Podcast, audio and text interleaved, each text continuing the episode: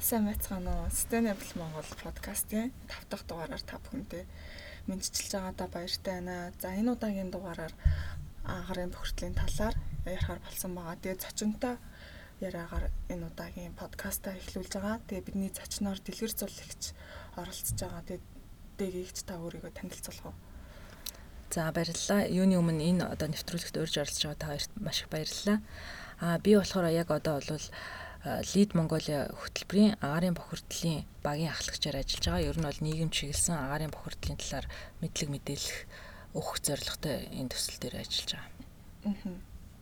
Тэгэхээр бас агарын бохирдол гэж бас юу хэлээд байгаа вэ? Бас тэрнийхээ тодорхойлтоос эхлээд тэгвэл буцаад нөгөө Улаанбаатар хотын одоо хэдэн хувийг нь агарын бохирдол их усрууд нь бүрдүүлээд байгаа. Бас тэр талаар ярил бас зүгээр юм болов уу гэж бодож байна л да.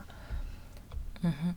За тэгэхээр агарын бохирдол гэж ер нь яг юу хэлээд байна гэхээр бидний амьсгалаад байгаа агаар дээр байгаа бодисууд амьд биет буюу одоо хүнд байж болно тийм амьтан байж болно ургамал байж болно амьд биетийн хэвийн үйл ажиллагаанд сөргөөр нөлөөлөх түвшинд байгааг л ер нь агарын бохирдол гэж хэлдэг. Тэгэхээр тэр нь бол дотроо бол ер нь яг хүмүүсийн хувьд болохоор дотоод ба гадаад орчных гэд хоёр хуваагдчихад байгаа.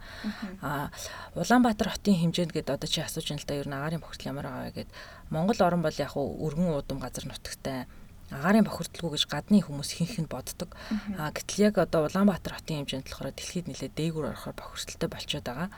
А энэ бохирдлууд бол ер нь бол их усүрүүд нь бид нар тогтоох хэрэгтэй. Арын бохирдол байгааг бүгд мэдж байгаа гэдээ хүмүүс яриад байдаг. Тэгэхээр бид нар яах гэж их усүрүүдийг эрдэмтэд тогтоогоо яах гэж тэрийг зарлаад байдаг вэ гэхээр гол зорилго маань болохоор хамгийн их байгаа их усүрээс нь эхлээд арга хэмжээ аваад а тэгээ хамгийн бага байгаагийн дараа шатнд арга хэмжээ авах зорилттой байгаа. Тэгэхээр яг Улаанбаатар хотын хэмжээнд болохоор ер нь үзүүлээд байгаа гарын бохирдлын судалгаанууд бол янз янз байгаа л да тий зарим нь 60% тай 80% тай энэ байгаа. Ер нь бол талаас илүү хувийг гэр хорооллын айл өрхийн агарын бохирдол эзэлж байна гэж байгаа. А тэгээ цаашаа хувьд нь бол янз янз багасаад явсан байгаа. А автомашины бохирдол ч гэснийг 10-аас 20% гэж судалгаанууд дээр янз янз байгаа. Тэгэхээр яг би бас яг судлаач хүний хувьд бодоход хэлэхэд бол ер нь одоо байгаа агарын бохирдол бол гэр хорооллын агарын бохирдол байгаа. Тэрийг бол засгийн газар ингээд тэмцээд арт түмэн ч гэсэн ингээд хувь хувьтай байж байгаа. А яг агарын бохирдол ирээдүй болвол их усүр нь бол бас энэ автомашинаас үүдэлтэй бохирдол. Одоо ирээдүйд залах учраас хүмүүс ч гэсэндээ ер нь цааш арга хэмжээ авч юмс ч гэсэн эхлээд гэр оролол дараа нь автомашины бохирдолтой тэмцэх хэрэгтэй гэж бодож байгаа. Тэгэхээр миний бас хийжсэн нэг судалгаа байдгийг энэ болохоор бас Улаанбаатар хотын агарын бохирдлын хүнд элементийн одоо бохирдол нь Улаанбаатар хотод хаана илүү байгаад байгаа вэ гэд цаснаас дээж аваад тэгээ цасанд агуулгаж байгаа хүнд элементийн агуулмжийг нь Улаанбаатар хотын одоо суур газрын зурган дээр ингээд интерполяц хийгээд үзэхэд бас таны яг хэлж байгаа ачлантай адилхан яг төв зам дагуу төв сүрэн газар одоо яг машины төвлөрөлттэй тэгээ машины эдийн зах байдаг машин зардаг бас тэр газруудаар яг хөл агарын бохирдлоос ихтэй хүн элементийн агуулмжууд бас их байгаа бас нэг тийм дүр зураг ажиглагдчихсэн байна. Тэгээ нөгөөтэйгүр бас яг судлаад үзэхэд манад ингээд хөвчлэн одоо орж ирж байгаа машины зааны 90% нь second hand нөгөө хоёр дахь удаага хэрэгжсэн тийм одоо машин байгаад байдаг. Нөгөөтэйгүр тэдгээр машиныг бас хэрглэж байгаа нөгөө нэг бензин түлшин ч гэсэн бас чанаргүй болохоор нөгөө дутуу шатлтыг бий болгоод Тэгээ төв зам дагуу ингээд л тийм ингээд утааг бас илүү их бий болгоод байгаа нь бас ингээд ажиглагдсан нэг тийм бас нэг судалгаа байгаад байдаг. Тэгэхээр яг Улаанбаатар хотын хувьд гэх юм бол за 80% нь бас гэр хорооллын утаа. За тэгээд 10% нь автомашиных, тэгээд 6% нь болохоор дөрвөн том дулааны цахилгаан станц. Аа тэгээд 4% нь болохоор хог шороо хөрсний бохирдлоос үүдэлтэй гэсэн нийгмийн эрүүл мэндийн хүрээлэнгийн бас мэдээлэл тоо байна. Тийм байх. Яг гоо энтэй холбоотойгоор би бас нэг юм чамаг хэлж яхад бодлоо л да хэлийгээд юу гэхээр одоо чи ч гэсэн хэллээ те автомашины бохирдол их байна, зам дагуу бохирдол их байна гэдэг нь гэдэг дээр нэмээд нэг хэлэхэд одоо бид нар яг эмч хүмүүс одоо миний өөр үндэсний мэрэгжил болохоор эмчтэй. Тэгэхээр энийг бол ер нь дахин дахин хүмүүс бас хэлдэг бага насны хүүхдийг буюу хүнд металлууд ер нь хөвчлэн 80-аас 80 см-аас доош тунж байрлаж байгаа. Тэгэхээр бид нар том хүмүүс бол дандаа 1 м-аас дээш байгаад гэдэг. Тэгэхээр бид нар бол яг бидний хамрын амьсгалах төвшөнд бол яг хүнд металлын одоо найрлага бол бага байгаа гэдэг. А гэтэл машин замын хажуугаар явж байгаа хүүхэд болвол 80 см-аас доош одоо яг хамрын төвшөнд 80 см чи хамар 80 см-тэй байгаа хүүхэд бол бараг 10 хүртэл насны хүүхэд тавч биш тий. Тэгэхээр тэр хүүхдүүд бол хамгийн ихээр энэ хүнд металлын хордлогонд хүртэж байгаа гэсэн. Тэгэхээр би одоо жишээл яг өөрийнхөө хүүхдүүд ч гэсэн хилдгэлдээ би чинь бас ээж хүм учраас машин замын хажуугаар явснаас одоо өөр газараар товчлоод ч юм уу холуур тойроод ч гэсэн хамаагүй өөр газараар игээ зөвлөдөг. Тэгэхээр ард иргэд бол ерөнхийдөө хүүхдээ ялангуяа 5-аас доош насны хүүхдүүд бол тэгээд дахиад 50 см-аас доош болохоор бүр хүнд металлууд болчихж байгаа юм. Тэгэхээр бага насны хүүхдүүд бол байнга тэрвэрж дээш нь өргөж 1 м-аас дээш өндөртэй байх юм бол ядаж хувь хүнийхээ зүгээс хүүхдийнхээ өрт хүртэлтийг багасгаж байна гэсэн үг. Тэгэхээр ирээдүй бол тий бас бүрэл ихсэн гэсэн үг тий. Одоо энэ бохирдлынхаа дагуу сантиметр метр дээрээ үзэх юм бол доошлогдсон бол улмал их хүнд металлууд нь тунна. Одоо машины хөлөөр ядаж тэрэн дээш ингээ хөөрөн тий. Сайн. Тэгээд гадуур явж байхад бас ээж аваад ингээд тэрэгтэй хүүхдээ ингээд машин замаар ингээд түрхтэй ам хамрыг нь ерөөсөө оролтоор ороогүй ч юм уу нэг тийм сул ингээд аваад яваад идэг. Тэгээд би ингээд ялцчихгүй зарим тохиолдолд ингээд хэлчихдэг л дээ. Уучлаарай танаа ингээ хүүхдээ амьсгалах төвшин энэ машины одоо яг яндагийн төвшөнтэй адилхан тийм тэрэг бол яг тийм байгаа болохоор ингээд энэ утаагаар танаа хүүхдээ амьсгалаад байна. Оролтоггүй яд чи ингээ ороод юм уу аль эсвэл та нэг маск зүглэх хэрэгтэй штэ гэдэл ялцчихгүй нэг өөрт хамааралгүй юм хүнд ингээ ярахаар хүмүүс зарим нь болохоор өө нэрээ тийм биш тэ гэд нэг хүлээж аав зарим нь болохоор м за гэл нэг дуучхан тэгэл нэг тийм оролтын дээшлүүлсэн болол тэгэл хүлээж авдаг тийм болохоор бас төрж явж байгаа тэрэгтэй хүүхдийг ч гэсэн бас ингээд анхааралтай бас авч явж байгаа хэрэгтэй юм шиг байна. Тийм. Тэгэхээр одоо энэ анагаахын бас магиструудын судалгаа байдаг л да. Юу гэхээр магистр хамгаалагч хүмүүс тэр болохоор нөгөө бензент хар дугал одоо нэг шаталтыг дэмжихэр хар дугал хууч хийдэг гэсэн. Одоо бол манайх хэдэн оноос хойш оруулж ирээгүй гэж яриад байгаа. Гэтэл нөгөө нэг урд нь тэр нь ингээд машин замаар явсараад ингээд хаягдаад хөрсөндөө ингээд шингэцэн манайх чинь тий. Тэгэхээр ингээд нөгөө нэг судалгаар яасан бэ гэхээр гэр хороол байшин хороол бензин төгөөх станцуудтай ойрхон байж байгаа хүүхдүүдийн нөгөө нэг юунд аутизм биш нөгөө нэг хичээлийн перформанс хичээлийн үзүүлэлт буюу нөгөө нэг сэтгэн бодох чадвар. А ер нь бол юу гэж хэлдэг гэхээр харт тоглооны хордлогоос болвол айку буюу сэтгэн бодох чадвар мууддгаа гэдэг гадны орнуудын судалгаа аваад байгаа. Тэгэхээр нөгөө нэг та ингээ хүүхдэд түрээд явж гин гэдэг чинь харт тоглооны хордлогонд орох юм бол ирээдүйд танаа хүүхдийн сэтгэн бодох чадвар муудна гэсэн шууд утгаараа. Тэрийг бол маш сайн ойлгох хэрэгтэй нөгөө нэг би яагаад энийг төрж яваад За яхавд ингээл амьсгалын замын одоо ханаад том уу болол болчдөг гэж хүн бодож байгаа бол хамгийн буруу. Нөгөө хүн баталгаач цуснд нь ороод дахиад тархинд нь үйлчлээд тэгээд сэтгэн бодох чадвар муудна гэдэг чи одоо ирээдүйд нөгөө их сургууль сурч чадахгүй чадахгүй юу гэл тээ. Тэрнтэй бол шууд хамааралтай.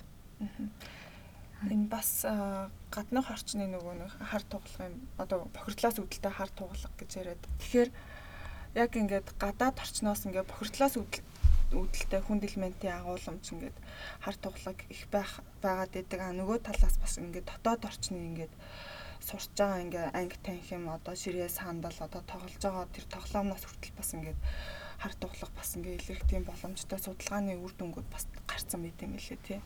Харин тий. Тэгвэл одоо та дэлгэр зүлэх цагийг хэллээ хичнээн тэр бензиний одоо лид агуулсан хар дуглаг агуулсан бензинийг хориглосон ч гэсэн өмнө байсан юм шингэсэн байдаг гэд.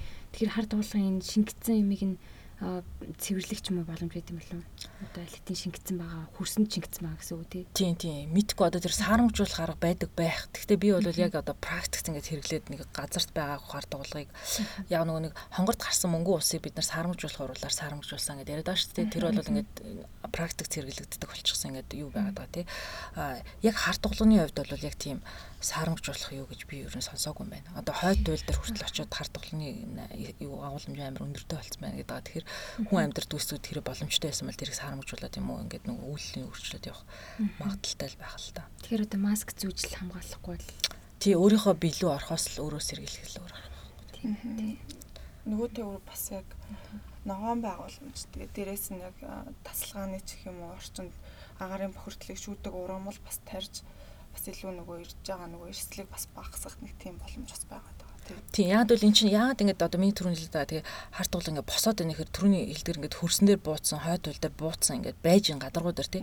А хэрвээ бид нар тэрийг одоо ногоон байгуулагч тариад тий чиглэг нь ихсүүлээд ингэ байх юм бол дээш ингээд хөөрөө түүний 50 одоо амьсгалах гэдэг чинь одоо 50 см хүртэл хөөрөхгүй байх боломжийг бид нар нэмэгдүүлээд өгөх юм бол одоо цементэлдэг ч юм уу асфальтдаг ч юм уу замуудаа тий эсвэл ногоон байгууламж тариад нөгөө сул салхинд шуураад байх тэр урсаад одоо хөөрөөд байх тэр нөхцлүүдийг хаагаад өгөх юм бол тэр чинь хүртэлт нь ингээд багасна гэсэн үг байхгүй юу? Ер нь бол. Гэхдээ одоо одоо хог хаягдaltaй бид нар чинь ярьдэн чинь ингээд нэг тамхины аккурк байлаа гэхэд яг нөгөө байгальтай бүрэн задрах хугацаа тийдэж байдаг шиг хүнд металлын одоо ингээд аавлагтаа болоод ингээд өөрөө өөрөө аяндаа ингэж алга болох задрах хугацаа гэж байдгүй. Тэр чинь хар дуглагын үед чинь тэр бензинээс ингээд үлдсэн хөрсөн байгаа хар дуглаг өөрөө байгаараа байвал тэдэн жилийн дараа ч малга болно гэсэн юм байт юм лүү.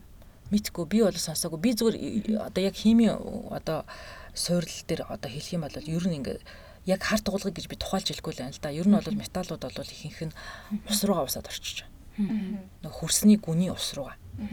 Тэгэхээр нэг усаараа дамжуулаад буцаал байгаа л Тийм ус бол хамгийн сайн уусгч гэдэг дээ. Тэгэхээр мэдээж хөрсөн дээр ч хард болгоны тэр урс урсж байгаа хөрсөн дээр нь тухайн төрлийн металлууд их байх юм бол тэр гүнийхээ тухайн хэсгийн орчныг гүний ус руу уусаад орчиж байгаа хгүй юу юм бол.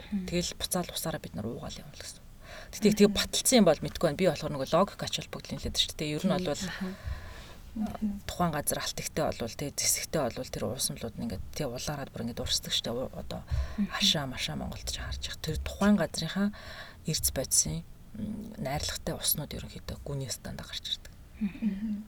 Зөв зөв. Тагарын бохирдол хэдүүлээ юу гэрлээ хар агаар басна хөрс болсон тий. Тэгэхээр чи бүх тэр чигтээ дээрээсээ доор холбоотой.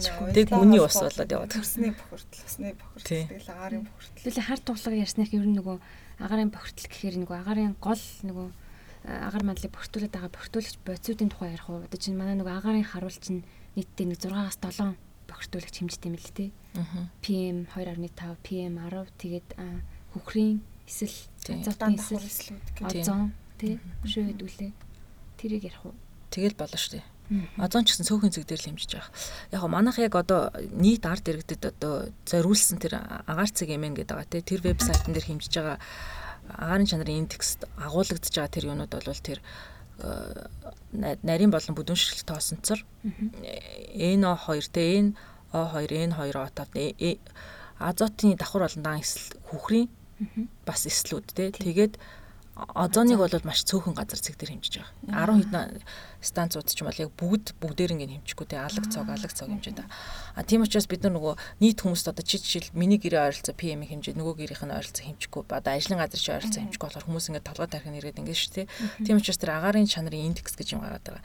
Агарын чанарын индекс бол ерөнхийдөө энэ бүх үзүүлэлтүүд чинь хүний эрүүл мэндэд нөлөөлөх нөлөөлөлтөө ингээд нөгөө формчлоод форматанд оруулаад гаргаад ирсэн тоо. Тэгэхээр заавалчгүй энэ хоёр нь өндөр байхаар тийм, S хоёр нь бага байхаар тийм, PM нь өндөр болохоор тэр нь өндөрсөн гэсэн үг байхгүй. Тэр чинь нөгөө нэг пропорцоор нэг бодоол гаргаад ирж байгаа. Энэ нь их тэр нь бага ингээд байх юм бол эрүүл мэндэд яг ямар нөлөө үзүүлж байна бидгийг гаргацсан. Тэгэхээр одоо тэр хараад байгаа бидний хараад байгаа 300, 400, 500 гэдэг байгаа тоонууд ч юм бол ерөөсөө аарын чанарын индекс буюу эрүүл мэндэд нөлөөлж байгаа төвшнгөөр нь тэр гэрлэнүүд чинь янз янз өнгөтэй асаад байгаа. Тэгээ хамгийн э, их нь бол тэр гүн улаан өнгөтэй байгаа тий. Тэгээ Монголын нөхцөл болохоор нэг агаарын бохирдол хамгийн их байх үед бол ихэвчлэн дандаа яг гүнээр ясаад байгаа. Гүн. Тэгэхээр нөгөө хүмүүст ойлгомжтой нөгөө ногоон гэрлэр хүн явдаг, улаан гэрлэр хүн зогсдог гэдэгтэй адилхан ногоон шар болохоор арай нөгөө нэг баг бохирдолтой буюу та одоо гадаа гараад явхад гадаа ямар нэг үйл ажиллагаа хийхэд илүү тохиромжтой. А улаан болох юм бол ерөөсөө таг дээр байгаа газараа зогсоол гэж ойлгох хэрэгтэй. Ер нь бол би бол жишээлбэл өөрийнхөө амьдрал практикт хэрэглэдгээр бол яг хитрхи өндөр бохирдолтой буюу 500 микрограмм 500 агаарын чанарын индекс нь 500-аас илүү байх юм бол ямар ч хүн байсан бүгдээрэнд нь бохирдолтой нөлөө хортой нөлөө үзүүлж байгаа эрүүл мэндэд нь. Тийм болохоор аль болохоор гадаа гарыг гэж бодож исэн бол гарах шаардлагагүй одоо өөр одоо интернетээр ч юм уу өөр юмар зохицуулаад дуцаар ярьж юм ажиллаа зохицуулчаад гарах шаардлагагүй. А тэгэхээр бол нөгөө гэрэл аснаар янз янз байгаа. Тэгэхээр хамгийн бүдэг гэрлэн дээр асж байгаа нь бол мэдээж хэрэг амьсгалын замын өвчин болон бусад төрлийн одоо мэдрэг хүмүүст бол эрүүл мэндэд нөлөөлөх төвшин гэж тавьж байгаа. Тэгээ Монгол орны хэмжээнд бол ер нь дандаа л энгийн хүнд бол ер нь өвчтөж бай, өвчнгүүч бай хүнд сөргөөр нөлөөлөхөр дандаа улаан гэрэлтэй ихэнх тохиолдол байна. Яг өчтөр өнөдөртөө бол бас харцсангуй гайгүй байх шүү тийм. Тэгэхээр хүмүүс нөгөө өглөө гарахтаа би бороо орох нүг үү гэд борооны шүрээ авч гардагтай адилхан агаарын чанарын индексийг өглөө шалгачаад өнөөдөр одоо ингэж байгаа чи юм байгаа гэдэг чинь шууд хаалгараараа л тэр үрэл амьсгална гэсэн үг. Тэр тэр өөрийнхөө ажил болон гэртээ ойрхон байгаа цэгүүдийг хэмжижээл юу яах хэрэгтэй тэрийг харах хэрэгтэй. Би бас нэг юм юу гэж хэлийгээ бодоод тэгэхээр хүмүүс ингэж боддог. Хүүхдээ ингээд аюу гой хоол сургууль зөөгөл аюу эрдэм ном сургаал. Одоо би ч гэсэн эцэг их хүн болохоор тэрийг ойлгож байна л да. А гэтэл хотын та баруун цахаас зүүн зах хүртэл хүүхдээ өглөө 7 цагт буюу яг хамгийн агаарын бохирдолтой өндөр цагт зөөгөөд сургуультай наваачаад буцаад яг ажил тарах үед уу хамгийн өндөр бохирдолтой үед нөгөө хүүхдээ машин тэгээд дахиад нэг цаг болоод баруун зүүн сах руу ингээд зөөгөөд авах юм бол нөгөө гадаад орчинд байгаа агаарын бохирдол нэгдүгээр өндөр. Хоёрдугаар түрүүний бид нар яриадсан тийм авто замын бохирдол буюу тэр дизель комбаст ингэж яриад байгаа тийм автомашинаас үүдэлтэй бохирдол. Ингээд тэр хоёр төрлийн бохирдол нөгөө бага насны хүүхчин давхар өртөөд нөгөө сэтгэн бодох чадвар миний хэлээд байгаа тий тэр юм чи бүгд муудаад байгаа. Тэгэхээр зүгээр эцэг их хүний хувьд зөвлөхөд мэдээч хэрэг хүн сайн сайхан сургууль зөөгөөд сайн сайхан болох нь бол одоо хүн болгоны л боддог асуудал. Аа тэгвэл нэг номерт сурлагуу нэг номерт эрүүл мэндөө гэдэг бас нөгөө нэг юу байх хэрэгтэй те. Үнэхээр амар гоцгоод биш л бол гэрээч ойролцоо хэрэг гайгүй сургууль хэрэг цэцэрлэг байгаа бол ба ялангуяа нас нь бага багтсан тэр хүүхдийг агаарын бохирдолтой өртөх цагийг тэгж уртцгаад байдаг бол эцэгчүүд өөрсдөө санаатай өртөлт үүсгэж байгаа. Манай яг юуны хэллэгэр бол тий судлаач хэллэгэр бол өөрөө хүүхдээ санаатаагаар өртөлт үүсгэж агаарын бохирдол өртүүлж байна гэсэн. Сайхан Science magazine дээр агаарын бохирдолт одоо exposure одоо нөгөө сургуультай явах замдаа тий? Гэрээсээ сургуультай явах замдаа тэгж бохирдолт өртснөөр тэр хүүхдүүдийн нөгөө short term memory богино хугацааны ой санамжинд нөлөөлж ийнэ тэрийг бүр мянга гараа хүүхдэд ингээд хэмжилт хийгээд гэрээс сургуульд хүрэх замдаа өртөж байгаа агаарын бохирдол ингэж тооцоод хүүхдүүд ихэд тэр memory-г нь бас ингэж хэмжижсэн судалгаа гараад тэр дөнгөж энэ оны 9 сарын судалгаа лээ.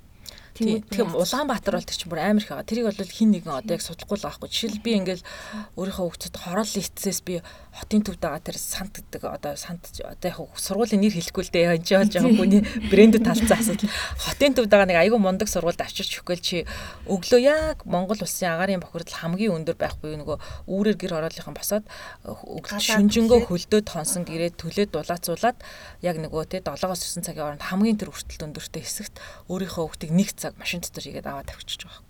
Тэгэхээр тэр чинь бүр нөгөө нэг яг одоо чиний төрөний хэлдэг шиг оюун санаанд нь буцаад нөлөөлөд тэр хүүхд чинь сурлагтанд нь шинөлүүлж байгаа. Тэгээ даашаа дахиад тэгж амар хүртэлтэнд өртсөн хүүхдүүд чинь ядраад те сулдаад нөгөө эн чинь шууд зүрх судасны өвчин зүрх судасны системд чинь нөлөөлчихөж байгаа учраас нойр мөгших ч юм уу юм хагас одоо баг нөгөө CO-гийн хордлогонд орсон хүмүүс чинь хагас манаралтын бэдэртэй гэдэг шүү дээ баг тийм л болж байгаа. Тэгэд энэ судалгааны үр дүн одоо ингээ гадны судалгаа ийм байна гэж үр дүн хэлээд тэгэл Монголч гэсэн айгүй дүүцгэр байгаа шүү. Тэгэхээр ийм байна. Өөртөө хамгаалцгаа одоо машин түүхтэй хийж байгаа ч гэсэн хүүхдтэй маск зүү, жолоо барьж байгаа та ч гэсэн маск зүү гэл ингээл ойрын хүмүүстэй хэлэнгүүд аа тэр гадны судалгаа гэл нэг тийм тоод угаасаа датаар хэд монголчуудын нэг хинэггүй зан юм уу тий. Тэг машин цууснаар өөртөө хамгаалж чинь яг бодд юм лээ. Тий ямар алхаад явж байгаа шүү гээ. Тий яг нөгөө нэг э, таксины жолооч нартай ингээ ярьдаг байхгүй ингээ та ингээ би ялтчгүй ингээ асууж таарчаад сүлд та энэ машиныхаа фильтрийг хизээ сольсон бэ? Тий, машинууд чинь HEPA фильтртэй байдаг уулна. Тий. Жилд нэг удаа л сольсон шүү дээ. Жилд ер нь нэг удаа л сольдсон шүү дээ тэгж хэлт юм лээ. Тэгээд жилд нэг сольж байгаа баг цөөхөн даа. Баг тэр фильтр байдаг үгш баг мэдгүй л хүмүүс. Гүй ядаж машин барьж байгаа хүн тэр фильтр нэг үлрэлт нэг одоо юу гэдэг чи бохирдол ихтэй үлрэлт за нэг сардаа нэг удаа солиод байвал бас өөрт ирж байгаа бас тэр нэг бохирдлын эрсдлийг нь бас ингээ бууруулж байгаа гэж. Тий, таксиний жолооч өдөр чинь баг 10 цаг машин дотор явж байгаа шүү дээ. Би бол ингээд асуу надаас бас хүмүүс наадах чи асуудаг юм бид би нэг агарын бохирдлоор судалгаа хийжсэн болохоор машин дотор байхдаа би яг өөрийгөө яаж хамгаалах вэ? Нэгдүгээр толгой тэр машины фильтрийг сольж байгаа. Аа гэвч бид нар машины хаалга ингээд айгу томоор онгоолгодог тий. Аалгач ингээд жижигхэн онгоод биш айгу томоор онгоолго хаахад буцаад тэр чинь орчиж байгаа. Тэгэхээр яалтчгүй яг машин дотор байсан ч гэсэн маск зүүл гэж би зөвлөд байгаа. Ер нь бол. Тэртээ тэргүү тэр чин гаднаас нөгөө манай одоо бидний яриад байгаа PM агарын бохирдол орж ирэхээс гадна нөгөө яндангаас гарч ирж байгаа уур шимтгэ органик бүр хүнд төрлийн юунууд чинь бас ороод ирж байгаа учраас Тэгээ манай нөгөө автомашин автомашин дээрээс нь автобуснуудын тий. Тэгээ троллейбуснаас гарч байгаа нөгөө хар унаарцсан утаа чинь яг ингээд дизель одоо тий. Яг ингээд машины яг фильтр сордог хэсэгт нь тий. Яваад ирэхээр бүр син хийгээл явцдаг. Тийм байгаа даа. Та түрүү ярьсан шүү. Тэгээд зулаа бас хэлсэн нэг ерөнхийдөө эхлээд хамгийн их нөгөө нэг элхүүсүрээс нь эхэлж бид нэр арга хэмжээ авах хэрэгтэй гэх тээ. Тэгэхээр ялцчихгүй одоо хэрэгжиж байгаа төслүүд бол ерөнхийдөө гэр орооллын нүүрс түлж түүхийн нүүрс түлж байгааг болиулах тий эсвэл гэр орооллын байшин гэрүүдийн дулааны алдагдлыг бууруулах замаар гэр орооллын нөгөө нийт 80% бохирдол 80 гэдэг аа тий. Зарим дор 60. Тэгээд дараа нь энэ 10%-ыг бүрдүүлж байгаа нь автомашин руу чиглэх хэрэгтэй байгаа тий. Тий. Тэгэхээр яг хуу би бол ингэж бодоод аа Монголын яг засгийн газар бол яг ингээд судалгаан дээр суурлаад тэрийг хийх одоо алхам яг ингээд тэр нь одоо яг бүрэлдэхгүй байх шиг санагдаад байгаа. Миний бодлоор зүгээр би бурууш бодож иж магадгүй. 2008 онд Дэлхийн банкны судалгаа хийгдээд яг агаарын бохирдлын нарийн шиг тоосон зэрэг байгаа. Энийг хамгийн их буюу 8 одоо харуулын станц дээр хэмжээд тэрийг эрүүл мэндтэй өртөгтэй холбоос тодолсон судалгаа байгаа. Тэр судалгааны үр дүнд мянганы сорилтын сан буюу Америк нэгдсэн улсын засгийн газар анх тэ санаачлагын гаргаад их усвэр нь 80 80% байгаа гэр хорооллын одоо тэр яндангуудын утга багасгая гэд шууд одоо ханцуу шамлж ороод нөгөө зуухнууд тараач гисэн маа тий үлзий зуух роял ocean хас зуух гэд дөрвөн төрлийн зуухыг яг гэр хороол төгсөн байгаа. Тэгэхээр эдгээр чинь болохоор өөрийн өртгөн бол 350-аас 450 мянган төгрөгийн үнэтэй. Зуухнуудыг 24-өөс 34 мянган төгрөгөөр айл өрхөд төгсөн байдаг байхгүй. Тэгэхээр маш их хувь бараг 80-90%-ийн засгийн газар мянганы сорилтын сан хоёр татаас өгөөд Ингээд яг уу яриагаар бол 180 мянган өрх тухайн үед буюу 2012 оны байдлаар 180 мянган өрх байсан гэж яриад байгаа. 180 мянган өрх 100 тараасан гэд явж байгаа. Тэгэхээр 180 мянган 11 12 11-ээс 12 онд шилжих өвөл тараасан зуухнуудыг 12-оос 13 онд одоо тэр үр ашигын тооцох гэдэг судалгаа явсан. Гэр хорооллын айл өрхийн 100 ашиглалтын судалгаа гэдэг судалгаан дээр би болохоор яг төслийн менежерээр ажиллаж байсан. Тэр яг энэ судалгаан дээр ингээд хийгээд явж хахад юу ажиглагдж исэн бэ гэхээр бид нар ингээд тэмдэглэгчдийн одоо хөнгөлөлтөд зуух авсан гэдэг нэр хаяг нь орчихсон байдаг. Тэгээ бид нар нөгөө айлууд дээр хаалган тогшоод орохоор зуух банд байхгүй бидний хад бол тэр яг 100-ны efficient байдлыг бүр яг тэр судалгаа яг юу хэмжиж исэн бэ гэхээр нэгдүгээр тэр 100 маань тэр айлыг хангалттай халаач чадж гинөө гэж 100хан дээр нь дулаан хэмжигч нааж байгаа. А хоёрдугаар болохоор гэр бол яг тойр хүчээс хамгийн хол цэг дээр. А байшин бол бүр хамгийн хол буюу мухрын одоо яг 100-наас хамгийн хол байгаа цэг дээр дахиад дулаан хэмжиж байрлуулж байгаа. Тэгэхээр олон өрөөтэй айлууд авах юм бол мөн адилхан ханууд дээр нь олон одоо олон дулаан хэмжиж байрлуулж байгаа хгүй. Тэгэд гол нь энд юу судалсан гэхээр энэ тараасан зуухны маань одоо халуун дулаан гаргах нь хангалттай байж чадж байна гэдгийг судлаад аа тэгээд дээрэс нь болохоор юу судалсан гэхээр одоо төлдөг хэмжээ. Жишээл та нодлон жил энэ зуухыг аваагүй зүгээр төмөр зуухтай байхдаа хэдэн килограмм нүүр төлдөг байсан. Одоо хэдэн килограмм төлдөг болсон мэй гэдэг. Одоо ихэнх ойлод өө манайх тэр хувингаар нэг ингээд хийгээд хоёр хийгээд тончдөг байсан бол нэг хийгээд тончдөг болсон гэдэг. Тэр бол эдийн засгийн хувьд бол тэрэнд бол юу гэж гарсан гэхээр эдийн засгийн хувьд бол хямлттай. Нэгдүгürt а хоёрдугаарт болохоор дулааны хувьд бол илүү дулаан энэ зуухнууд болохоор а гуравдугаарт болохоор энийг бол хүмүүс маш их эсэргүүцдэг. Гэтэ бол би судлаач хүний хувьд л тоо мэдэн дээр л үндэслэж ярина. Одоо ямар нэгэн улсын мөнгө тараасан эцсийн улсын бол надад хамаагүй. А тэгтээ яг 11, 12, 13 онод бол агаарын бохирдол баг зэргийн буурах үзүүлэлттэй байдаг. Одоо агаарын чанарын одоо юун дээр албан дээрээс үүсэх юм бол тэгэхээр яасан гэхээр 11 12 13 онд чи яг тэр 11 12 онд чи тэр 100 хол маш итгэвтэй тараагдсан байна. Тэгэхээр ингэж хэлээд байгаа 30 мянган 20-с 30 мянган айл өрх жил болгон Улаанбаатар хотод нүүж орж ирдэг. А тухайн үед бол 180 орчим мянга байсан гэж яриад байгаа. Тэгээ миний мэдхийн 120 мянгаыг орчим тараасан юм байлээ гэж би ойлгосон. Гэхдээ 180 мянга ч яг нөгөө баг хангаа налах дүүргүүдэд амьдарч ирсэн. Тэгээ одоо Улаанбаатараас алсгсан дүүргүүд амьдарч ирсэн бол тухайн үед тараагдаг юм шиг байна. А яг төвийн 6 дүүргт амьдарч ирсэн. Тэгэхээр тэр зуух тараагдаад 14 онд Сика гэдэг судалгаа буюу байгаль орчны яамнаас захиалгатаагаар энэ зуухнуудыг тоолуулсан байдаг. Тэр зуухнууд тоолуулаад дууссаны дараа 65 мянган зуух Улаанбаатар хотын хэмжээнд одоо байж гинэ гэж байгаа. За өнөөдөр буюу яг 2017 оны байдлаар болохоор Улаанбаатар хотын нийт гэр хорооллын айл өрхийн тоо хэмжээ 210 мянган ширхэг гэж байна. Тэгээ 210 мянган айлд маань яг одоо 65 мянган л сайжруулсан цугаа. Даашаа чинь яг одоо биш 2014 онд тоолгож 65 мянган л сайжруулсан цугтай. Үлдсэн одоо тэгэхээр 120 мянгаыг би тараасан байлаа гэж ойлгоход уралдсан 55 мянган яасан байх нь. Зарцсан. Зарцсан. Яагаад гэвэл энэ дулаах учраас нөгөө хөдөө орон нутгийн хүмүүс нөгөө аймгийн төв дээр амьдарч байгаа хүмүүс хөдөө бүр суман дээр байгаа хүмүүс бас гэрээ дулаахан байлгаа байхгүй тий. 20 мянгаар авсан 100-аа 300 мянгаар зараад тий. Тий 150 мянгаар зархад л тэр хүмүүс чинь баг 5 нуулаад тий хэд нэлийн олон золон зарчиж байгаа. Тэгээ зарим байсууд ийм сонссон нөгөө сайхан бас гэр орлоор нөгөө орчуулга хийж явж байхад нөгөө аль үзд нөгөө зуух тараасан ч анх тарааж хат бас хүмүүс нөгөө өөрсдийнхөө нөгөө хэрэгжилж татсан зуухныхаа чанаранд илүү итгээд за энэ яг хөө ингээд амар рекламдал сайн гэл өгч гин. Гэтэ би яаж мэдтiin би энийг ч ашиглаж үзээгүй. Тийм болохоор би хуучин зуухаа ашигладаг ашиглана. Гэтээ нөгөө тарахаас өмнө ингэсэн юм шиг л ч тийм хуучин зуухаа авчирч өг тийм тийм дуус тэгжсэн яагаад гэвэл харин яг энэс сэргэлж байхгүй чиний хэлдгээр нөгөө шин зуухаа үүднийхээ амбаар тавьчаад хуучин нөгөө зуухаараа түлээд байна гэдэг нь болохоор юу гэсэн үг гэхээр нөгөө нэгдүгээр түл шиг зарцуулна. Хоёрдугаар нөгөө шатал тэр чинь ингээд нэг жоохон вакуум маягтай одоо дотоод оршин ваарн ваарных нь хэмжээ нь болохоор манай нөгөө тоостой зуухыг бол дулаана удаан барьдаг учраас нөгөө олон удаа галлаад ах шаардлагагүй учраас агаарын бохирдол бага үүсгээд байгаа байхгүй.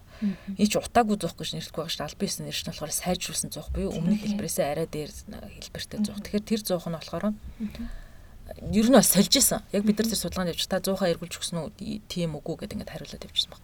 Тэр ерөөс нөхцөл бол юу байсан гэхээр утаа гаргадах зуухын хурааж аваад буюу одоо устгалд оруулна гэсэн шууд талаар бол тэгээд утаа гаргад утаа баг гаргадаг буюу сайжруулсан. Арай технологийн дэвшилтэй зуух өгчсэн бас ингэж сонсон. Тэгээд тэнгууд бас нөгөө тез сэргээл харах хэмжээ ангууд тэрнээс нь илүү нөгөө хүмүүсийн толгой ажиллаад аа за намайг хуужин зуха авчирч үг гэдэг юм бол шууд цахаас нэг хямдхан өөрийнхөө адилхан зуха авангуудаа заяа тэрийг авчиж өгөөд тэгээ нэг үнтэй зуха хямдхан авангуудаа буцаага тэрийг эргүүлж зарж мараад бүр нэг хэвээ холион бантан хутгсан тийм юм гарч исэн гэж. Тэгэхээр би зүгээр юу гэж боддог гэхээр энэ одоо нөгөө нэг угаасаа төр зэсгээс хариуцлагын тогтолцоо байх хэрэгтэй. Энэ хүн миний эрх ашиг талдаж байгаа хгүй. Тэгэхээр бид нар арт иргэд бид нар ч гэсэн би Улаанбаатар байшин сууж байгаа тэр хүн 100-аа зарнаг үе хамаагүй гэдэг асуудал бол биш те. Тэгэхээр дахиад миний татвар тусан мөнгөөр ч агаарын бохирдлоо чинь буцаад тэмцгээд байгаа. Гэтэл бид нар татвараасаа дахиад 200 300 мянган төгрөг хөнгөлөө тэр хүнд 24 мянган төгрөг өгч бид нар яагаад хариуцлага тооцохгүй. Тэгвэл тэр буцаад торгуул төлдөг юм уу? Бидний одоо миний үр хүүхдийн уушиг бохирдуулсан төлөө тэр хариуцлага хүлээх хэрэгтэй. Яг бол улсаас тэр чинь чи энийгээ багасгахад өөрөөсөө 20 мянган төгрөг гаргачих бид нар тэгэл бусдын төлөөд гээд өгөөд тахад тэр хариуцлагын тогтолцоо байхгүйтай миний бодлоор тэр шууд холбоотой. Нөгөө нөгөө талаас бас нөгөө уул ингээл э, айгүй сайн сайхан зорилготой төсөл хэрэгжүүлэх гээл явангууд тэр хүмүүс нэг тийм сайн ойлголтын ойлголтын зөрүү ч юм уу нэг л тийм сайн ингээд холбогдож чадахгүй болохоос нэм үйл хэлтгэцэл эсвэл ингээд тийм эдийн засгийн ашиг хонжоо хайгаад тий. Тэгэхээр ингээд маш сайн ойлголцоод эсвэл ингээд тэр хүний үнэхээр үгийг нь сонсгоод гэр ороолын хүмүүс нөгөө одоо зүгээр л нэг төслийнхээ ирээд гэр оролт амьдарч байгаа хүмүүстэй харьцаад тэднийг хүлээж авах нэг өөр яг нэг хэсгийнх нь хэсгийн ахлагч гэл хүмүүс ааш тэг өдөр тутам харьцдаг. Тэр хүмүүс нь бүр нэг тархинд нь суудлан энэ зуухаа заавал ашиглаарай заа юу гэд бүр нэг өөрийнх нь итгэдэг хүмүүсээр хэлүүлвэл бас нэг э, мессеж илүү хүрэх ч юм уу бас нэг тийм баш уу тий. Тий би ер нь ингээд ажиллаад байхад ингээд агаарын бохирдлыг яриад би шил өөрөө байшин суучилын одоо юу гэр хорлоо агаарын бохирдлыг яриад байгаа. Тэгэхээр ер нь бол ажиллаад байхад би юу гэж дүгнээд байгаа гэхээр хүн ямар нэгэн үйлдэл хийхин тулд би дүгнээд байгаа ширэн шинжлэх ухаан дээр батлаад шүү дээ. Хүн ямар нэгэн үйлдэл хийхин тулд толгоондоо тэрийг маш их ихтгэл үнэмшилтэй болсон байх хэвээр. Тэгэхээр бид нар толгойтой нь юусаа ажиллахгүй. Одоо маскны сургалт гэл одоо инх цулч гэсэн хийдэг тий. Би ч гэсэн ингээл энэ тэнд очил маск зүү гэл яриад байдаг тий. Тэгэхээр тэр маск зүү гэл би ч зүгээр ингээ хэлээл маск чамд бэлгэлээл. Одоо жишээл ингээл олон улс аягүй олон байгууллагууд байна л да бид нар бас очиж зүгээр ингээл ажилчдаа маск өгчдөг тараачдаг тий. А гэтэл тэр хүнийхээ оюунтай би яагаад маск зүүх ёстой юм бэ гэд толгооноосоо би тэрийг бодоод гар маань хөдлөө тэр үйлдэлийг хийгээд би маска зүүх ёстой байхгүй. Тэгэхээр ямар нэгэн үйлдэл хийхээр ер нь бол сургалт, сурталчилгаа толгоон дотор юм хийгээд тэр хүнийг өөрөөр нь ингээд үйлдэлийн хийх төвшөнд очих хэрэгтэй мэлээ. Ер нь юу ч хийсэн бай хүн. Тэгэхээр тэрийг бид нар хаягдуулсан. Одоо 100 тарагтаач гэсэндээ одоо тэр нөгөө сүулт ингээл нөгөө ерөнхий сайт телевизээр гал яаж түлхийг заалаа гэдээ яриад байгаа. Тэгэхээр нөгөө 100 авцсан ч гэсэн тэр бол бас хүндрэлтэй. Яг бол монголчуудын гал түлдэг аргаас яг эсэргээрээ түлдэг тэр 100 маань. Тэр хүмүүс ингээд бид нар очиж судалгаа хийхдээ бүр яг тэр судалгаа маань 30 дууц судалгаа хийсэн. Та цаасаа доороо тавиад модоо дээр нь тавиад нүүрсээ дээр нь тавиад түлдгүү. Эсвэл модоо доор нь тавиад нүүрсэд орон дээр нь тавиад ингээд байршлын бүр ингээд тодорхой ингээд бүр хэлж байгаад ингээд асуудаг байхгүй. Тэгэхээр тэр одоо сургалтыг тэр ерөнхий сайд хийгээд байгаа. Тэгэхээр тэр чинь бол ер нь бол ерөнхий сайд сургалт хийгээд тэр хүмүүсийг нийт массын маань сургаад толгоонд игээ тэгээ тэр толгооноос авсан мэдээллээрээ тэр хүмүүс тэр галаа зөв төлөх зорилттой байна. Тэр юу цааш тэр нь ер нь бүх юмнуудыг одоо ингээл юу тарах гэж яриад байгаа. Тийм. Холбоотой л ер нь хийж явах хэрэгтэй юм шиг байгаа. Эхлээд ерөнхийн нэг суур ойлголтын нөгөөд тэгээд яагаад маск зүүх ёстой юм. Тэгээд ингэснээр ямар эрсдлийг одоо өөрөөсөө одоо холдуулж байгаа юм тийм. Боломжтой юм. Тэгээд би юу хийж чадах юм бэ? Бид нэр тэгвэл юу хийж чадах гэсэн нэг тийм агуулгатай хүмүүст яг ингэж тренинг байдлаар маск тараавал бас илүү зүгээр юм л. Тийм. Тэгэхээр зуух ч гэсэг адилхан байхгүй тийм.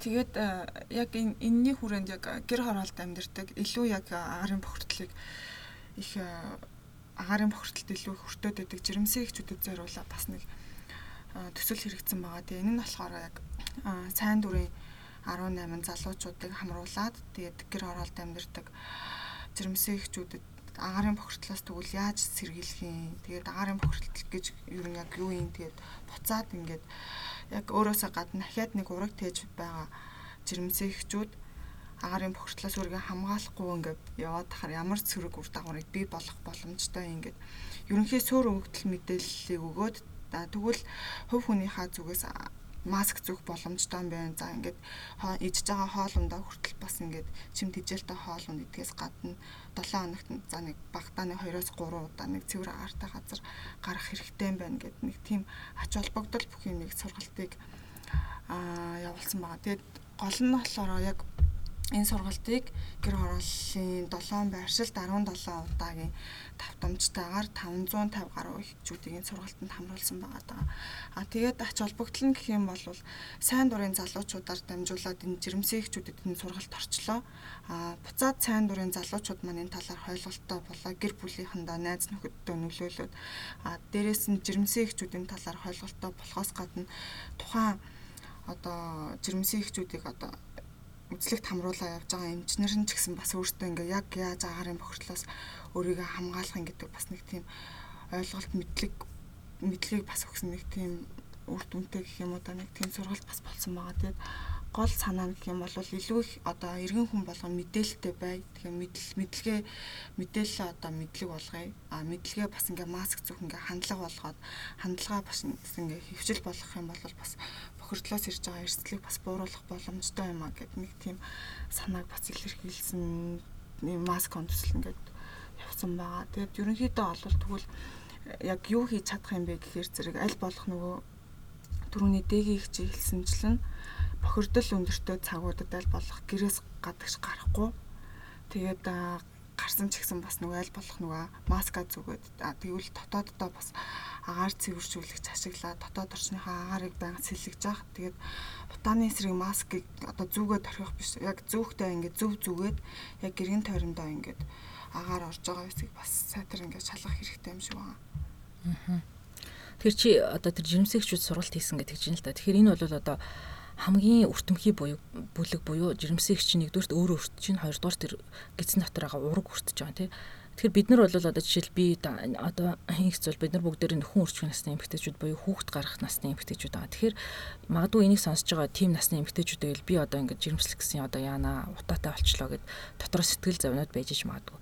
Тэгэхээр яг яг Улаанбаатарын агарын бохирдлыг нэлээд хэдэн жил одоо судалсан бас ингэж ажиллаж явдаг хүний хувьд бол зөвлөхөд а жирэмсний эхний 3 сар маань бохирдол их өндөртэй үед байх юм бол тухайн таны одоо гидсэн дотор бүрэлдэж байгаа хүүхдүүдийн эргэтэн цогцолцоог үүсч эхэлдэг энэ ихний 3 сард бохирдолтой байх юм бол одоо ургийн гажиг янз бүрийн эргэтэн системийн буруу хөгжил явагдах магадaltaй. Энэ одоо Канадын эрдэмтдийн хийсэн судалгаа л да. Тэрүүгээр болохоор яг жирэмснийхаа эхний 3 сард нарийн ширхлэг тоосонцор гэдэг манай одоо агарын бохирдолт хамгийн өндөр үзүүлэлттэй байгаа. Нарийн ширхлэг тоосонцор өртсөн байх юм бол хүүхдүүдэд үүсэх тархины хавдар маш өндөр байна. А азотын дутуу эсэлт хэрэг ихний 3 сард өртсөн байх юм бол цусны хавдартай байх магадлал өндөр байна гэд ингээд гаргаад ирсэн судалгаанууд байгаа. Тэгэхээр жирэмсэн болохоор төлөвлөж явах юм бол Улаанбаатарт амьдарч амьдраад ургаа тэгээд төрнө гэж байгаа бол 11-ээс 1 сарын хооронд ерөөсөө жирэмсэн болох хэрэггүй. Ер нь бол би тэгжил зөвлөмөр яг одоо эмч хүнийхээ хувьд судалгаа хийсэн хүний хувьд. А эхний 3 сар бол хамгийн эрсдэлтэй 3 сар. А жирэмсний бол сүүлийн 3 сар бол а бас яг уушиг одоо хүүхэд гарч ирээд агаар амьсгалахтаа бэлтэг бэлтэгдээд уушигны одоо хөгжлийн хамгийн эрчимтэй хэсэг бол бас сүүлийн 3 сард явагдаж байгаа. Тэгэхээр хэрвээ яг одоо төрөх сар чинь 11-ээс 3 сар тийм үү хүүхэд олох сар чинь 11-ээс 3 сар таарж байгаа болвол та маш их өндөржүүлсэн одоо анхааралтай байх хэрэгтэй өөртөө. Нэгдүгээрт гадуур явахдаа заавалчгүй маск зүүх хэрэгтэй. Энийг бол бүр хизээч мартаж болохгүй. А хоёрдугаарт гэртээ орж ирснийхаа дараа агаар зэвшүүлэгчийг байнга хэрэглэх хэрэгтэй. Тэгэхээр дотор болон гадаа та агарын бохирдолд өртгөө өртөлтөө өөрөө багасгаад одоо өөрийнхөө ирээдүйд гарах үр хөвгтийг эрүүл байхад төвнөр үзүүлж байгаа. Тэгэхээр хэрвээ хэрвээ мэдээч хэрэг боломжтой байх юм бол аль болох олон удаа цэвэр агаарт гарах хэрэгтэй. Тэгэхээр агаарын бохирдолтой байх үед ээж бас өөрт нь нөлөөтэй гэвэл мэдээж хэрэг нөлөөтэй ээж ч болохоор бас амьсгалж байгаа. Яг жирэмсэн болсон тохиолдолд одоо эхийн өөрийнх нь цусан цусны эргэлтийн тогтолцоо бол 40% ачаал нэгсдэг гэж. Яг бол ураг бүрлдээд ургаа бие цусан хангамжаар хангах учраас. Гэтэл агаарын бохирдол маань болохоор амьсгалын зам болоод зүрх судасны өвчнөд хамгийн ихээр нөлөөлдөг. Тэгэхээр жирэмсэн ээж маань бас зүрх судасны өвчний эрсдэлт өндөр орох нь байна.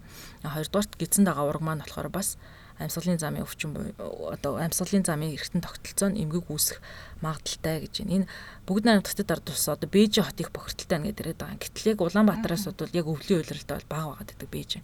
10-аас 20 дахин бага бохирдолтой байгаад байдаг. Тий, ер нь нормал үлрүүдтэй бол тий. Тэгэхээр 1900 ихэд одоо хийсэн судалгаагаар болохоор жирэмсний үед яг энэ нарийн шлэг тоосон зэр дүртэх юм бол их их стресстэй байдаг. А их стресстэй байснаас энэ нь бол шууд хүүхдийн одоо урагт байгаа хүүхдийн зан төрхийн өөрчлөлттэй гарах буюу үүний гарна гэдэг сэтгцэн эмчнэр одоо зөвлөж байгаа. Тэгэхээр зан төрхийн өөрчлөлтөд гарна гэдэг чинь одоо ууртай тэгээд одоо стресстэй бас тийм аха тайван биш тий одоо нэг уйлдаг гэдэг шүү дээ тий. Тийм хүүхдүүд төрж байгаа. Тэгэхээр бол ээж болъё гэж бодож байгаа, төлөвлөж байгаа. Одоо яг жирэмсэн байгаа төрөх хугацаанд төгссөн байгаа ээжүүд бол одоо ингээд хоёр хэдхэн нэгхэн 7 хоногийн дараа 11 сар буюу одоо Монгол улсын хэмжээнд тогтмол дандаа одоо агаарын бохирдол өндөр байдаг 11 12 1 сарууд эхэлж байна. А боломжтой бол зэрэг жирэмснийхаа сүүлийн саруудад байгаа бол хотоос гараад агаарын бохирдолгүй газар байхаар аль болох тэмүүлэх хэрэгтэй. За тэг төрөөд гараад ирсэн хүүхэд. За тэгвэл 1 сар төрчихжээ 11 сард энэ хүүхэд төрчихжээ. Тэгэх юм бол би бол ерөөсө гадаа гаргаж ерөөсө зөвлөхгүй. Яагад бол 11-ээс 1 сарын хооронд бол Улаанбаатар хот бол тогтмол дэлхийн эрүүл мэндийн байгууллагын агаарын чанарын зөвлөмж хэмжээнээс үргэлж өндөр байдаг. Тэр нөгөө хүүхд маань дөнгөж гарч ирсэн уушиг маань хоёр нас хүртлээр тэр төрөөд гараад ирсэн уушиг маань бидний бүх насаараа амьсгалах одоо хэмжээний уушиг болтлоо хөгждөг. Тэр яг тэр уушигны идэвхтэй хөгжлийн үед нь чи байн агаарын бохирдол тэр хүүхдэд өртүүлээд байх юм бол уушигны хөгжил чинь одоо эмгэгтэй ч юм уу дутуу ч юм уу явагдах магадaltaй болчиход байгаа тийм. Тэгэхээр гараад ирсэн хүүхдээ аль болохоор мэдээч хэрэг одоо агаарын бохирдол багтай хэсгүүдэд байдаг бол өдрийн цагаар хамгийн их бохирдол багтай буюу тэр агаар цагийн мэнээсээ харж агаад 12-оос яг 2 цагийн хооронд байгаа даа. Харцангуй нөгөө агаар харцангуй баг гэж байгаа ч гэсэндээ эн чинь яг нөгөө нэг яг эрүүл одоо эрүүл мэндэд огт нөлөөхгүй төвшөнд бол манайх бол яг 11-ээс 1 сарын хооронд бол бараг л очихгүй одоо их цөөхөн өдрүүдэд л бараг очиж байгаа хэрэг. Тэгэхээр аль болох гэртээ одоо чигдээ зэвэрлэгээ хийгээд агаар цэвэршүүлэгчийг маш сайн тогтмол асаагаад аа тэгээд ээж нь болоод өөрөө гарахаар бол байнга маск зүүх хэрэгтэй. За тэгжил зөвлөе дөө одоо энэ утааны уйлрал ирж гин одоо би бол шууд утгаараа хэлэхэд бол энэ гурван уйлралд аль болохоор л жирэмшлэхгүй байхыг. тийм жишээл би бол яг хүүхд маань нэг нас гарантай. А тэг би яг жирэмсэн болоод декретэ аваад 2 сар төрсөн би өөрөө. Тэгэхээр декретэ аваад 12 сар декретэ аваад тэг шууд хөдөө очиж амьдрал. Амьдрсаар байгааг төр 7 хоногтой орж ирэл төрчөөл буцаал тэгэл төрсөн сартаа багтаал хөдөө очиж амьдрал. Одоо хүүхд маань аа гарцсан. Тэгээд одоо ч гэсэндээ тэр хөдөөнөл амьдарч байгаа. Яг бол би тэр хүүхдийг 2 нас хүртэл нь ер нь агаарт байлгая гэж бодсон. Одоо амьдралынхаа туршид амьсгалах уушных нь хөгжлийг зөв тавих зорилгоор. Тэгэхээр би одоо өөрөө судлаад явчих хүний хувьд бол өөрөө өөрөө итгээд өмшөөд тэрэндээ үндэслэлсэн алхам одоо амьдралдаа хэрэгжүүлж байгаа. Тэгээ би бусад хүмүүсийг ч гэсэн тэгээсэ гэж зөвлөж чинь одоо өвлийн утааны ялрал ирж байна. Тэгээ бүгдээрээ мэдээч хэрэг хүн завгүй ажилтай гэл ах юм бол хизээч зав гарахгүй. Тэгэхээр үр хүүхдийн төлөө өөрийнхөө эрүүл мэндийн төлөө 7 хоногт ядаж 1 2 удаа цаг зав гаргаад хагас бүтэн санд ч юм уу цэвэр агаарт гараад уушаа жоохон цэвэрлээч л гэж зөвлөмөр байна л та ер нь бол. Тэгээ аль болох бас нөгөө агаар агарын бохирдлоос сэргийлэх маск зүүх хэрэгтэй гэдэг байгаа шүү дээ. Тэрийг хэмжээгээр бөөндөж авчаад тэгээд ойр дотныхоо хүмүүст ингээд байнга хэрэглүүлээд нэг хөвчл болгочвол бас зүгээр юм шиг байна. А нөгөөтэйгүр бас зарим хүмүүсийн маск ч амар үнэтэй байгаад байна. Тэгээд нэг маск ингээл 60 эдэн мянга 70 эдэн мянгаар авчлаа гэхэр чин тэгэл юу гэсэн үг вэ гээл. Ерөөсөө нөгөө нэг өөрийнхөө эрүүл мэндийн төлөө ямар нэгэн нэг тийм гарлага гаргаж сураагүй тэгэл нэг зүйлээгээд би ингээ өөрийнхөө амьсгалж байгаа агаараар ахаад ингээ амьсгалаад байх юм шүү гэд ерөөсөө нэг тийм суур өгөгдөл мэдээл одоо юу гэх юм ойлголт бас байхгүй байгаа дах шүү. Угаасаа л Тийм тэгэхээр маск нууч юм бол янз янз байгаа шүү дээ 1500-аас эхлээд тэгээд 90 хэдэн мянга 100 хэдэн мянган маск байна. А би яг өөр дээрээ бол тэг нөгөө нэг 3 mm. Тийм 3 mm гэхдээ нэг 6 мянган 12000 ингээ хоёр төрөл байгаа. Тэгээ би болохоор яг тэр 6000-ийнх нь 91-ээс 95% шүлтдэг нь хэрэглээд байгаа. А хүүхдүүдтэй болохоор яг арай үнэтэй 12000-ийнх нь зүйлгээд байгаа. Тэгэхээр яг 6000 төгрөгийн маск бол би яг бас өвөл бол харцангуйгаа тэгшиг гарах үйл одоо бага л да. Гарч байгаа нөхцөлтөө бол 7 баг заримдаа 10 хоног ч юм уу хэрэглээд гайгүй байгаа да. Гэтэ бол мэдээч хэрэг би амар өндөр бохирдолтой орой өглөө хоёрт гарахгүй ерөнхийдөө өдрийн цагаас гараад ажиллаа амжуулаад тэр нь болохоор харцангуй бага бохирдолтой байгаа болохоор. Тэгэхээр яг 7 хоногт 10 хоногт 6000 төгрөг зарцуулна гэдэг бол чи ханиад хүрээд тэ хатгаа болоод ч юм уу хүүхд чинь ханаа түрээ татгаа болоод тэрнийг эмчлэх зардлаас бол хамаагүй бага зардал. Урт чинь сэргийлж байгаа учраас. Тэгээд дахиад уушгинд аймагтэй үлдснээс бол багал зардал. Заавал 60 70 мянгийнх нь хамгийн сайн гэсэн үг биш. Хамгийн гол нь маск зүүхтэй гол нь л битүүмжлээ сайн хийх хэрэгтэй. 1000 чи 60 мянгын маск зүүсэн ч гэсэндээ чихнийхээ хоёр талаар ч юм уу эрүүнийхээ доотлоор ингээл онгорхой байх юм бол чи гадаад амьсгаагаараа шууд амьсгалж гин гэсэн. Хамгийн гол маск зүгтээ ерөөсөө ганцхан юм зүйлээд байгаа. Битүүмжлээсээ одоо энэ хамрын дээдлийн төмөр мөрийг бол яг зөв тааруулаад одоо татаа тэр чих рүүгээ одоо яг ингээд хазарныхаа хэсгээр яг агаар орж ийн үү гарч ийн үү гэдгийг шалгаал зөөхөд бол ерөнхийдөө 80 хэд 90-с дээш хувийн шүлттэй маскнд бол бүгд бол боломж Улаанбаатарт бол ямар ч байсан өөрийн чинь хамгаалах төвшөнд бол огт зүгээгүй байгаас л хамаагүй сайн гэж л зөвлөе да. Тэгээд одоо ер нь өөрсдөө бодвол маска зүгээд орон гэртээ болохоор агаар цэвэршүүлэгч хэрэглээд автомашиндаа болохоор бас маска зүгээд гол зөвлөх юм бол солиод тий. Тий, фильтрээ солиод агаар цэвэршүүлэгчийг бол фильтрийн заавалчгүй солих хэрэгтэй. Улаанбаатарт ингээд зарж байгаа нь ингэж хэлдэг. Би хүртэл бодлож хахад 3-5 жил гэж байгаа. Үйлдвэрээс гарсан одоо хугацаанд. А гэтэл манай агаарын бохирдол чинь дэлхий дээр байгаа хотуудынхаас эхний 1 2-т ороод байгаа шүү дээ. Тэгэхээр тэр бол тэрнээс 3-5 жилч манайх бол нэг л өвөл хэрэглээл дараа өвөл яг эхлэхдээ шинэ фильтр солиод хэрэглээл дуусчаар хэмжээнд шаардлагатай. Тийм. Тэгэхээр өвөлдөө одоо бүгдээрээ бэлдээд нэгдүгээрт маск авах авч тавих нь байна. Хоёрдугаарт фильтрээ солих нь байна. Тэгээ гуравдугаарт машиныхаа фильтрийг бас солих нь байна.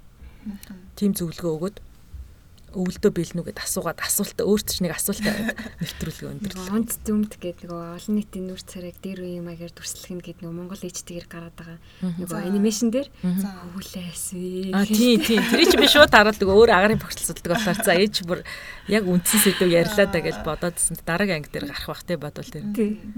За за манай подкастэнд цаг гаргаж оролцсонд маш их баярлалаа. Тэгээ та судлаач хүний үед айгүй олон үнэтэй цэнтэй мэдээлэл богино хугацаанд бид нарт айгүй гоё хүргэж өглөө. Тэгээд сонсогчд маань ч гэсэн зөвлөгөөг дагаад өөрсдийнхөө эрүүл мэндийг хүүхдийн эрүүл мэндийг хамгаалаад тий монголчуудад цөөхөл юм чуртуудаа наслуулвал хүн болгонд л хэрэгтэй бах тий.